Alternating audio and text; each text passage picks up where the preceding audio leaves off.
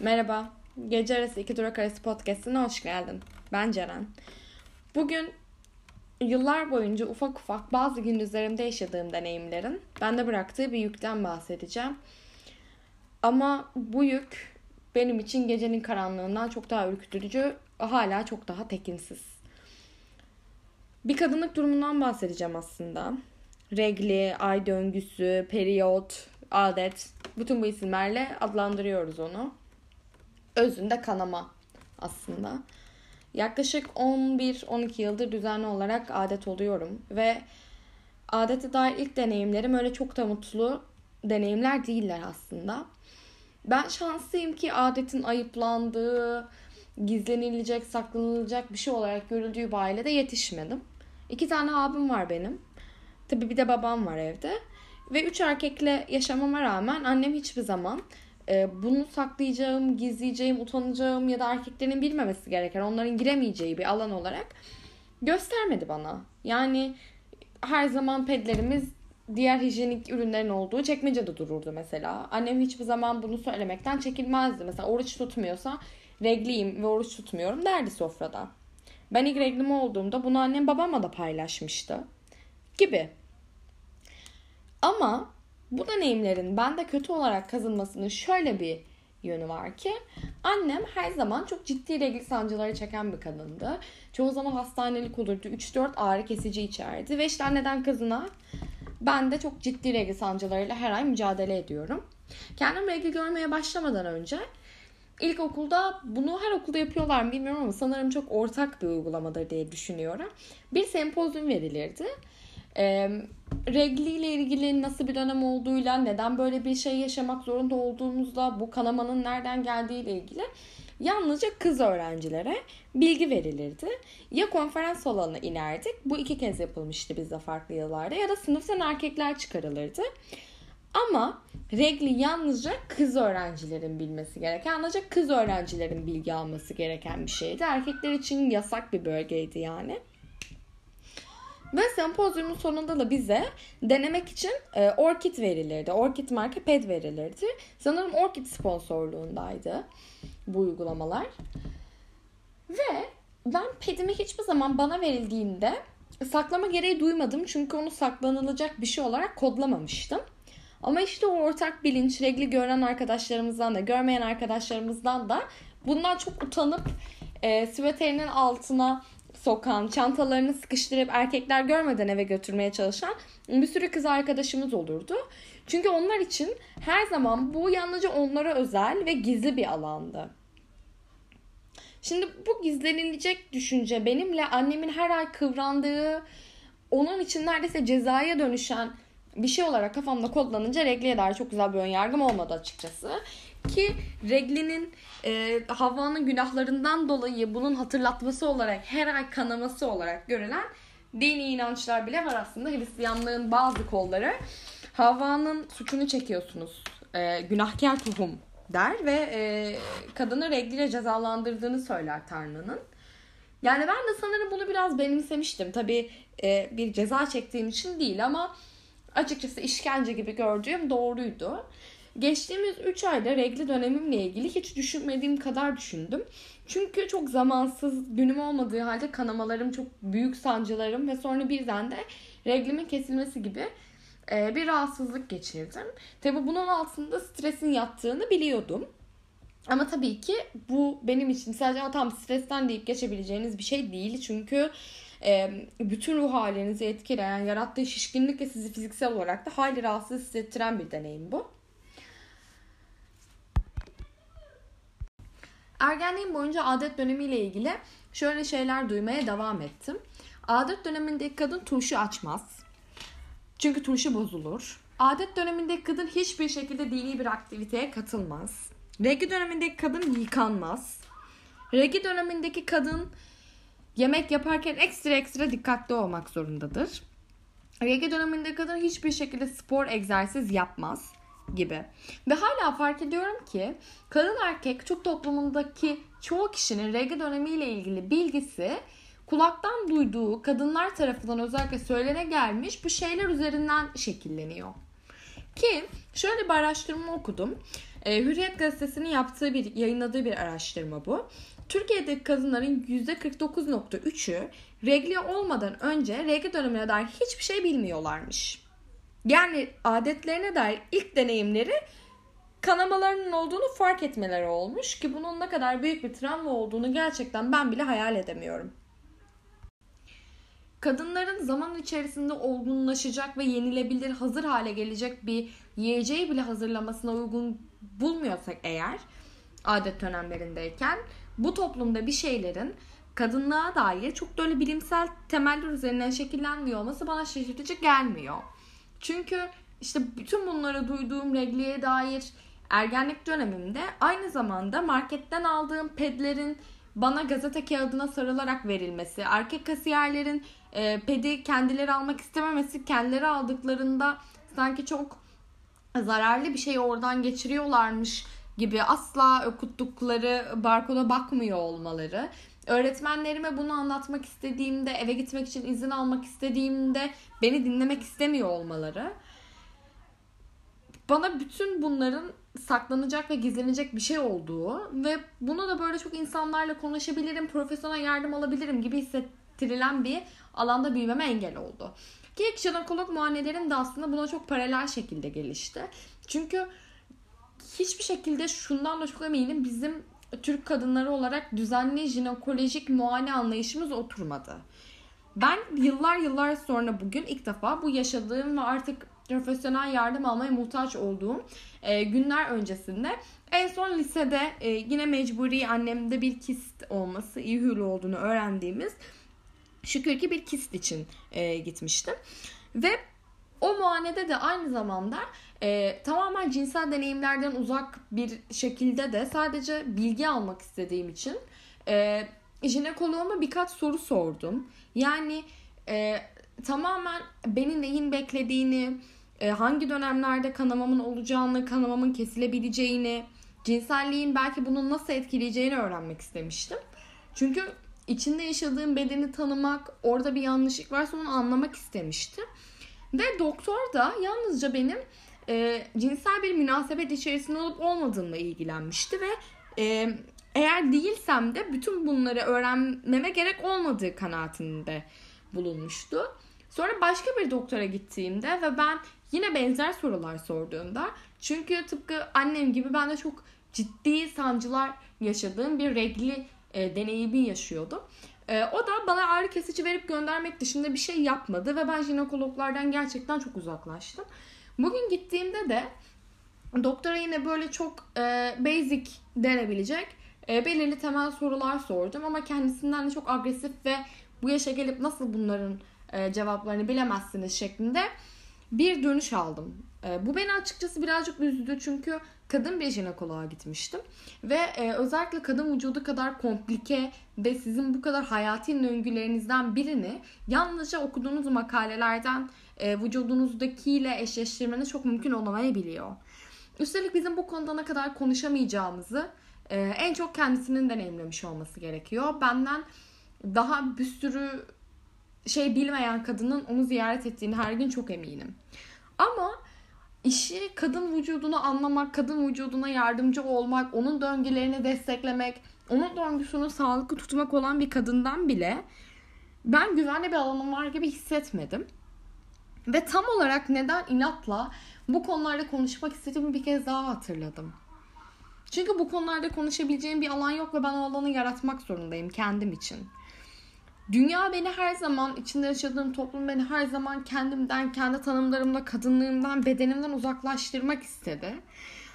Ve bugün de jinekolog bana e, kistlerime falan bakıp olup olmadığını bakıp ultrasonun ardından e, fiziki hiçbir sorunun görünmediğini, e, eğer hormonlarımda da bir sıkıntı yoksa ki en son kontrol ettirdiğimde yoktu. Stres kaynaklı e, böyle bir düzensizlik ve kesilme yaşadığımı söyledi.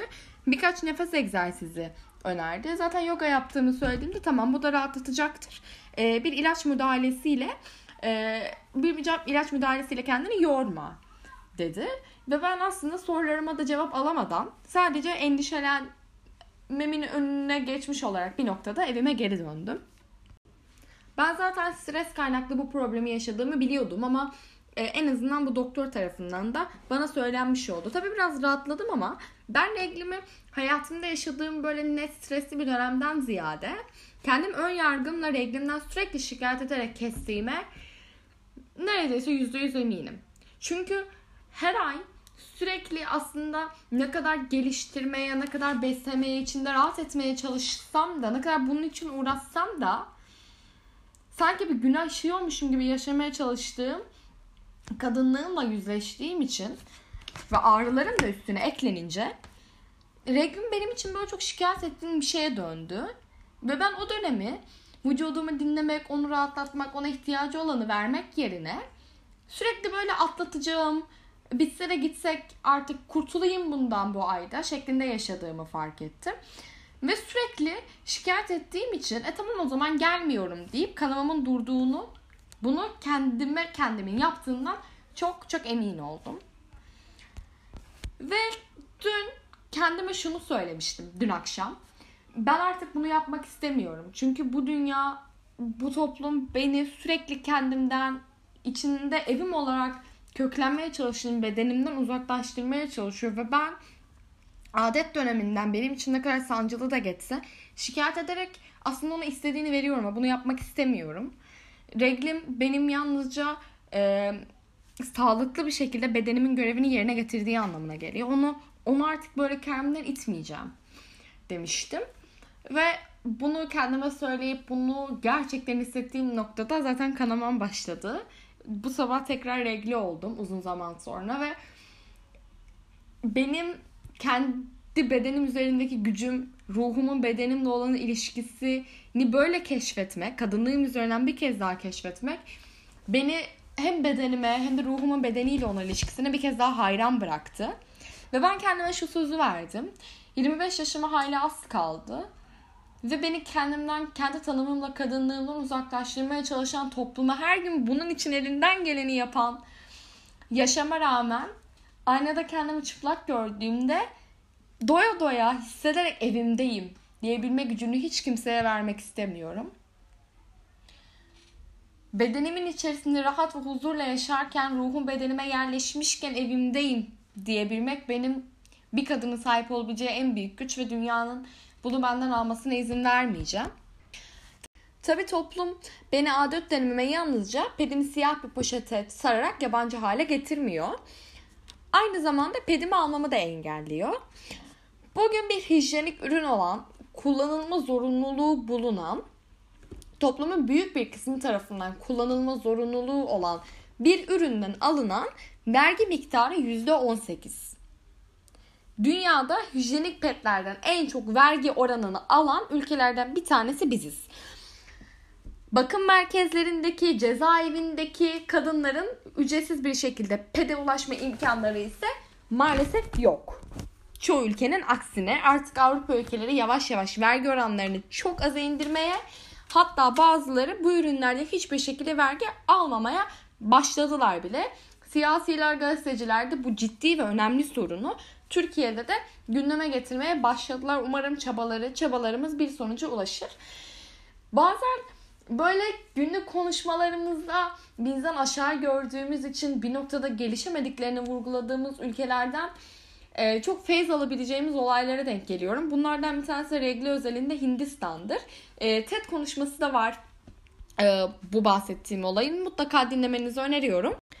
Bahsedeceğim isim ünlü Padman. Kendisinin uzun ve Hintçe bir ismi var. O yüzden telaffuz etmeyi denemeyeceğim. Ee, anlaşılmayacağına çok eminim ama dediğim gibi Padman olarak arattığınızda kendisiyle karşılaşacağınıza eminim. Ee, hayatı kadınlara ped üretmeye e, adanmış bir insan bu. Kendisinin e, motorlarını temizlemek için kullandığı bez parçasını aynı zamanda karısının regl dönemlerinde e, mecburen kullandığını öğrenmesiyle aslında hayatı değişiyor. Hindistan'da pedler ithal olarak geldikleri böyle bir üretim olmadığı için çok yüksek miktarlara satılan ürünler ve e, Hint toplumundaki kadınların çok çok büyük bir oranı hijyenik pedlere erişim sağlayamıyorlar ve e, bir erkek olarak bunu anlayamıyor.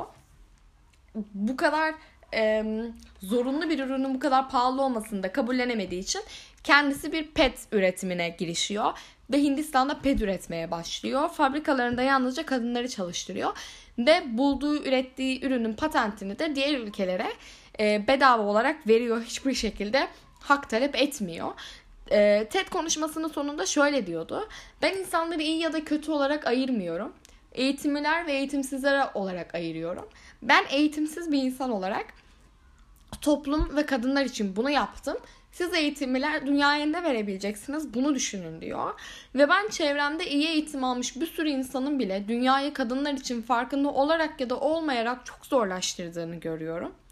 Kendim ergenliğimde kendimi keşfetmeye, bedenimi keşfetmeye başladığımda ne kadar zorlandığımı, ne kadar yabancı hissettiğimi, bedenime insanların söylediklerine uymadığı için ne kadar yabancı, ne kadar yanlış bir şeymiş gibi baktığımı çok iyi hala hatırladığım için ve hala bugün bahsettiğim gibi deneyimler yaşamaya devam ettiğim için hayatta en büyük gayelerimden bir tanesi bir kadına bile olsa kendini yalnız hissettirmemek için uğraşmaktır. Özellikle yasaklı olarak atfedilmiş konularla ilgili bu yüzden sıklıkla konuşurum özel hayatında da. Burada da bunu yapmaya devam edeceğim. Sadece bir kadın bile ya demek ki bundan bahsedebiliyormuşum. Bir kadın hiç tanımadığı birine benim kanamam çok düzensiz diyebiliyorsa belki ben de böyle bir sorun yaşadığında yardımcı olabilecek bana bu yardımdan kastım sizin fizyolojik olarak sorununuzu çözmek değil ama sadece size güvenli bir alan sunmak. Bunu bir kadın bile hissederse benim için bugün yaşanmaya değer demektir. Verdiğim bu emeğe değer demektir. Ben kendi yaşadığım ergenliğimdeki deneyimleri hiç kimsenin yaşamasını istemiyorum. Ve biz eğitimlilere de burada çok çok şey düştüğünü düşünüyorum. Bu size ulaştıysa rica ediyorum bir kadın için e, hayatı ne noktada kimliğiyle onu vücuduyla kimliklendiriyor. Bahsedeceğim isim ünlü Padman. Kendisinin uzun ve Hintçe bir ismi var. O yüzden telaffuz etmeyi denemeyeceğim. Ee, anlaşılmayacağına çok eminim ama dediğim gibi Padman olarak arattığınızda kendisiyle karşılaşacağınıza eminim. Ee, hayatı kadınlara ped üretmeye e, adanmış bir insan bu. Kendisinin e, motorlarını temizlemek için kullandığı bez parçasını aynı zamanda karısının regl dönemlerinde e, mecburen kullandığını öğrenmesiyle aslında hayatı değişiyor. Hindistan'da pedler ithal olarak geldikleri böyle bir üretim olmadığı için çok yüksek miktarlara satılan ürünler ve e, Hint toplumundaki kadınların çok çok büyük bir oranı hijyenik pedlere erişim sağlayamıyorlar ve e, bir erkek olarak bunu anlayamıyor. Bu kadar e, zorunlu bir ürünün bu kadar pahalı olmasını da kabullenemediği için kendisi bir pet üretimine girişiyor ve Hindistan'da ped üretmeye başlıyor. Fabrikalarında yalnızca kadınları çalıştırıyor ve bulduğu ürettiği ürünün patentini de diğer ülkelere e, bedava olarak veriyor. Hiçbir şekilde hak talep etmiyor. E, TED konuşmasının sonunda şöyle diyordu. Ben insanları iyi ya da kötü olarak ayırmıyorum. Eğitimliler ve eğitimsizler olarak ayırıyorum. Ben eğitimsiz bir insan olarak toplum ve kadınlar için bunu yaptım. Siz eğitimliler dünyaya ne verebileceksiniz bunu düşünün diyor. Ve ben çevremde iyi eğitim almış bir sürü insanın bile dünyayı kadınlar için farkında olarak ya da olmayarak çok zorlaştırdığını görüyorum. Kendim ergenliğimde kendimi keşfetmeye, bedenimi keşfetmeye başladığımda ne kadar zorlandığımı, ne kadar yabancı hissettiğimi, bedenime insanların söylediklerine uymadığı için ne kadar yabancı, ne kadar yanlış bir şeymiş gibi baktığımı çok iyi hala hatırladığım için ve hala bugün bahsettiğim gibi deneyimler yaşamaya devam ettiğim için hayatta en büyük gayelerimden bir tanesi bir kadına bile olsa kendini yalnız hissettirmemek için uğraşmaktır. Özellikle yasaklı olarak atfedilmiş konularla ilgili bu yüzden sıklıkla konuşurum özel hayatında da. Burada da bunu yapmaya devam edeceğim. Sadece bir kadın bile ya demek ki bundan bahsedebiliyormuşum. Bir kadın hiç tanımadığı birine benim kanamam çok düzensiz diyebiliyorsa belki ben de böyle bir sorun yaşadığında yardımcı olabilecek bana bu yardımdan kastım sizin fizyolojik olarak sorununuzu çözmek değil ama sadece size güvenli bir alan sunmak. Bunu bir kadın bile hissederse benim için bugün yaşanmaya değer demektir. Verdiğim bu emeğe değer demektir. Ben kendi yaşadığım ergenliğimdeki deneyimleri hiç kimsenin yaşamasını istemiyorum. Ve biz eğitimlilere de burada çok çok şey düştüğünü düşünüyorum. Bu size ulaştıysa rica ediyorum bir kadın için e, hayatı ne noktada kimliğiyle onu vücuduyla kimliklendiriyor. Bu sorunları yaşıyor olmamızın temelinde zaten bu sorunlarla ilgili konuşulmuyor olması var. Ve bunların aşılabilmesi için de bir lidere, bir sihirli dokunuşa ihtiyacımız yok. Bunlar ben konuşarak, sen konuşarak aşılacak şeyler. Kafanızda tabu olan bu konularla ilgili lütfen inadına konuşun. Böyle böyle aşalım, böyle böyle bir şeyleri değiştirelim. Bizden sonra gelecek olanlar bizim yaşadıklarımızı yaşamak zorunda kalmasınlar. Tekrarlıyorum. Ben aynaya baktığımda, bakışlarımı kendi vücudumda gezdirdiğimde her şeyin at evimdeyim diyebilme gücünü kimseye vermek istemiyorum. Sen de verme. Umarım hep bu şekilde hissederken burada buluşuruz. Hep bu güçte burada buluşuruz. Bir sonraki durakta görüşmek üzere. Hoşçakalın.